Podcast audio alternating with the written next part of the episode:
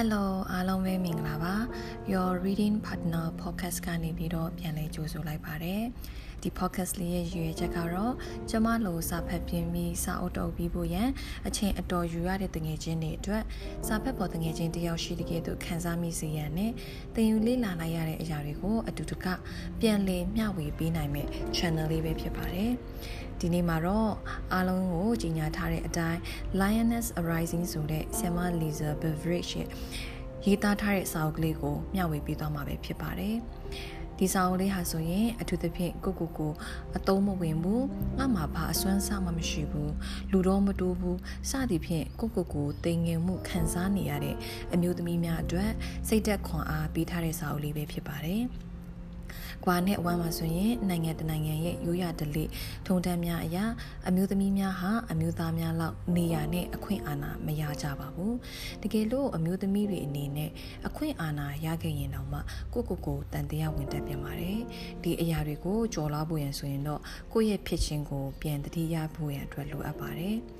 အမျိုးသမီးတော်တော်များများအနေနဲ့ဒီလိုစိတ်မလုံခြုံမှုခံစားနေရတာဖြစ်ပေမဲ့အိမ်အောင်ကြပြီးကလေးသူငယ်ရှိလာတဲ့အမျိုးသမီးတွေက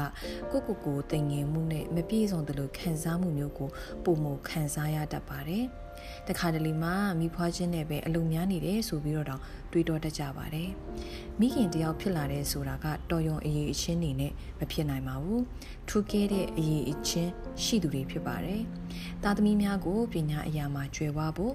လူမှုပတ်ဝန်းကျင်မှာကောင်းမွန်စွာပေါင်းသင်းနိုင်ဖို့ကောင်းမွန်တဲ့ခေါင်းဆောင်တွေဖြစ်လာစေဖို့ရန်အတွက်မိခင်ကပြုစုပြိုးထောင်ပေးရပါတယ်။ ဒါဒီသာမကဘဲနဲ့အိမ်မှုကိစ္စတွေကိုပါစီမံခန့်ခွဲခြင်းနဲ့တကွကိုယ့်ရဲ့ခင်မွန်းတွေကိုထောင်းမပေးခြင်းအကြံဉာဏ်ပေးခြင်းတွေကိုလည်းလှုပ်ဆောင်ရပါတယ်ဒီလိုလှုပ်ဆောင်ရတဲ့အခါမှာအမျိုးသမီးတွေအနေနဲ့ကငါဟာနောက်ွယ်မှာပဲနေရတဲ့သူအကူသဘောမျိုးဖြစ်နေပြီလားဆိုပြီးတော့အတွေးမျိုးရှိလာတတ်ပါတယ်ဒီလိုအတွေးမျိုးရှိလာပြီဆိုရင်တော့နောက်ွယ်ကတင့်လို့အထောက်မှ မရှိဘူးဆိုရင်လူတွေရှိမှအောင်မြင်မယ်လို့ယူဆနိုင်ရတဲ့သူတွေဟာခဏချင်းတမဟုတ်ချင်းမှာပဲပျောက်ကွယ်သွားမယ်ဆိုတာကိုသတိရဖို့ရန်အတွက်ဖြစ်ပါတယ်။ဒါကြောင့်မလို့အမျိုးသမီးတွေဟာတာမန်အခုတယောက်မဟုတ်ပါဘူး။အထူးအရေးပါတဲ့လူသားတွေဖြစ်ပါတယ်။တချို့သောအကြောင်းအရာကိစ္စတွေကိုဖြေရှင်းမှုဆိုရင် အမျိုးသားတွေထက်အမျိုးသမီးတွေရဲ့ဖြေရှင်းခြင်းကတကယ်ပဲပါနဲ့တဲ့ပုံမူပြီးတော့ကျွမ်းကျင်တာကိုတွေ့ရမှာဖြစ်ပါတယ်။ နောက်တစ်ခုအနေနဲ့ကအမျိုးသမီးတွေရဲ့အတန်ဟာလူမှုပတ်ဝန်းကျင်မှာအရန်အရေးပါတယ်ဆိုတဲ့အကြောင်းအရာဖြစ်ပါတယ်။ဆီယမလီဇာဟာဆိုရင်သူ့ရဲ့သားတစ်ယောက်ရဲ့ကျောင်းသင်ခန်းစာအနေနဲ့စာအုပ်ဖတ်ဖို့ရန်အတွက်ဖြစ်လာတဲ့အခါမှာကျောင်းကနေပြီးတော့ထုတ်ပေးတဲ့စာအုပ်ဟာဆိုရင် pornography နဲ့ပတ်သက်တဲ့အရာအပြာစာအုပ်နဲ့သက်ဆိုင်တဲ့အကြောင်းအရာတွေဖြစ်တဲ့အခါမှာသူ့အနေနဲ့မိခင်တယောက်အမျိုးသမီးတယောက်အနေနဲ့ အတန်ကိုထုတ်ဖော်ခဲ့တဲ့အခါမှာတော့ကြံသောအခြားသောကလေးသူငယ်တွေအတွက်ပါတကယ်ပဲအကူအညီဖြစ်စေခဲ့တယ်ကောင်းကျိုးဖြစ်စေခဲ့တယ်ဆိုတဲ့အရာကိုတွေ့ရတာဖြစ်ပါတယ်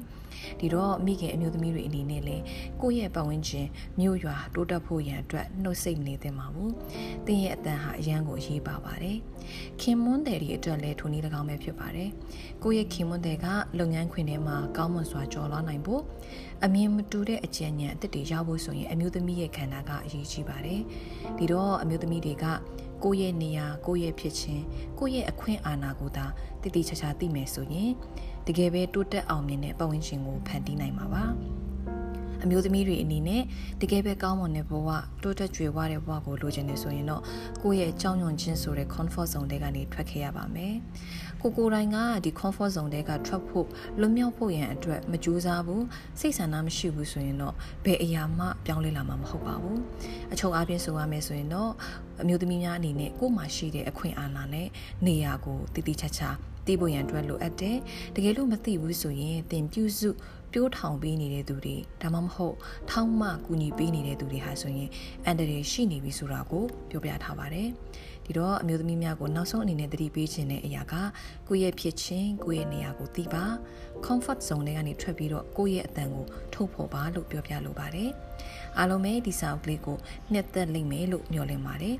မဖတ်ရသေးဘူးဆိုရင်လည်းဖတ်ဖို့ရန်အတွက်အားပေးလိုပြီးဖတ်ပြီးသွားရင်လည်း page post